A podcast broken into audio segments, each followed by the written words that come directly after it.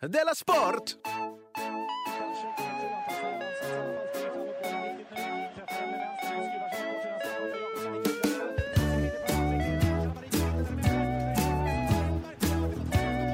Du lyssnar på Della Sport. Välkomna till Dela Sport. Det här är Johan Unge. Hörrni, det var ju ett tag sedan. Och att det var det, alltså ett tag sedan, det är Simons fel. Simon drog till Thailand och lämnade mig ensam. Eftersom han ansåg sig förtjäna lite semester efter allt det hårda jobb han menat sig ha utfört. Jobb som han i och för sig vet att ta betalt för. Vet ni att han har fakturerat mig 2000 kronor för att ha gjort en powerpoint? Ah, han har fakturerat 2000 spänn för en powerpoint.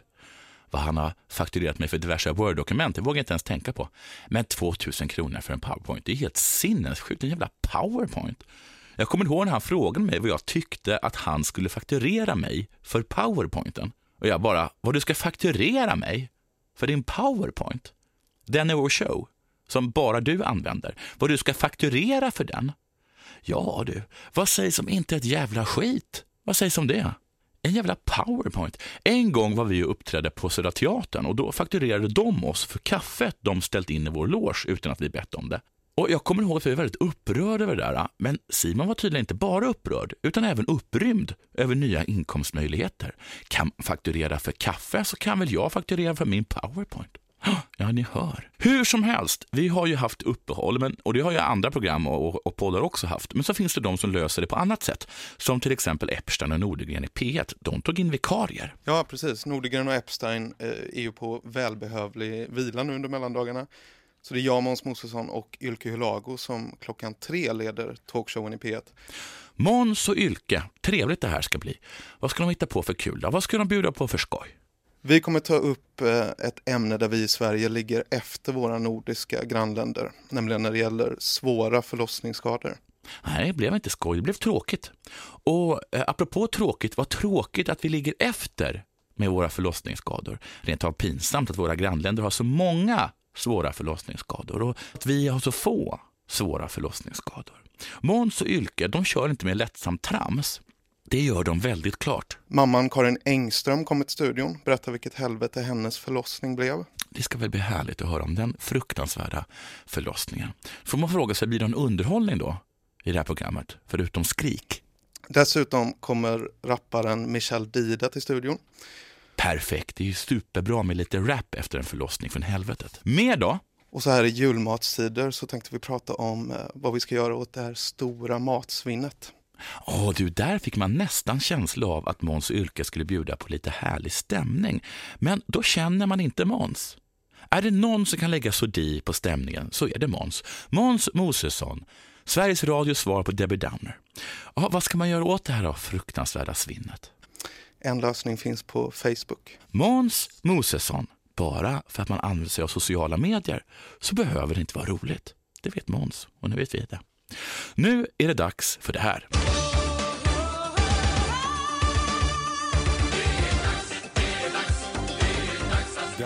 Sverige fick stryk av Finland i junior-VM i ishockey. Supersorgligt såklart och oj vad man blir irriterad på att finnarna vann. Men bara sådär skönt irriterad, för man gillar ju finnarna på något sätt. Visst gör man det? Det gör man. Jag orkar inte riktigt utveckla det där, men jag tror att ni förstår vad jag menar. Men finnar alltså, vad är det för fel på dem? Hör bara på svaret på denna svenska reporters fråga. Line said that uh, the Swedish team have to be prepared on losing. Uh, do you agree? Sanoi, että Pate oli sanonut, että Ruotsin joukkojen täytyy valmistautua häviämään. Oletko samaa mieltä? No, sanon, että ei, että kyllä kuitenkin. Niin Svaret svensken fick var på finska. Frågan var på engelska. Finnpojken hade tolk. Ty finnpojken kunde inte engelska. Men det är ju sjukare än att fakturera för en powerpoint. Hur kan en 17-20-åring någonting i ett grannland till oss inte kunna engelska? Alla kan ju engelska. Finland som ska ha världens bästa skola, men de kan inte engelska. Vad är detta för någonting? De är sämst på språk, kan varken svenska eller engelska, trots att de både har svenska och engelska undervisning i skolan. De är som vilda djur. Vilda djur kan inte heller svenska eller engelska. De är djur är de, finnarna. Men alla finnar är inte djur. Inte den finska spelaren Kasper Björkqvist. Min nya bästa vän. Och det är han för att han kan både engelska och finska och svenska såklart, samt är trevlig och kanske framför allt för att han inte fakturerar mig för en powerpoint. Ett exempel på hur trevlig han är kommer här när han ska beskriva känslan efter att hans lagkompis just har gjort det avgörande målet i finalen mot Ryssland. Och det här på båda sidorna hoppade de på isen och så tittade jag på Jumbo och så var, så var det mål och sen, ja och efter det så vet jag inte vad det hände. Ja. Några hoppar va? En jumbotron är med på något sätt. Och sen vet han inte vad som händer. Och där hade den beskrivningen kunnat vara slut och han inte vet någonting, men det fortsätter. Jag får till vänster och så får de, Kasper får till vänster får vi också till höger och sen, och sen får han till höger sen efter det så hoppar vi bara. och sen hoppar de bara. De bara hoppar Jag är en, en både det här är hög där och äh, och sen hög. Och, nu var det ju skönt. Äh. och nog var det skönt. Så är det. Att vinna junior-VM i ishockey, berättar Kasper för oss, känns lite som att ha sex.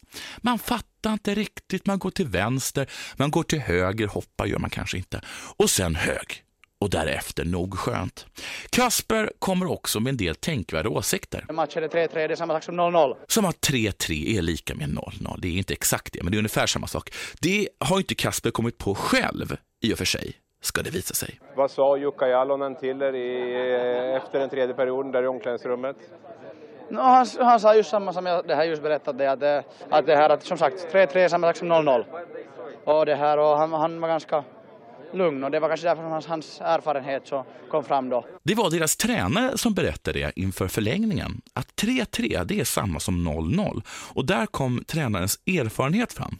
Tränaren har nämligen varit med förr. Och förr var 3-3 lika med 0-0. Det vet han och gudskelov är den informationen fortfarande korrekt.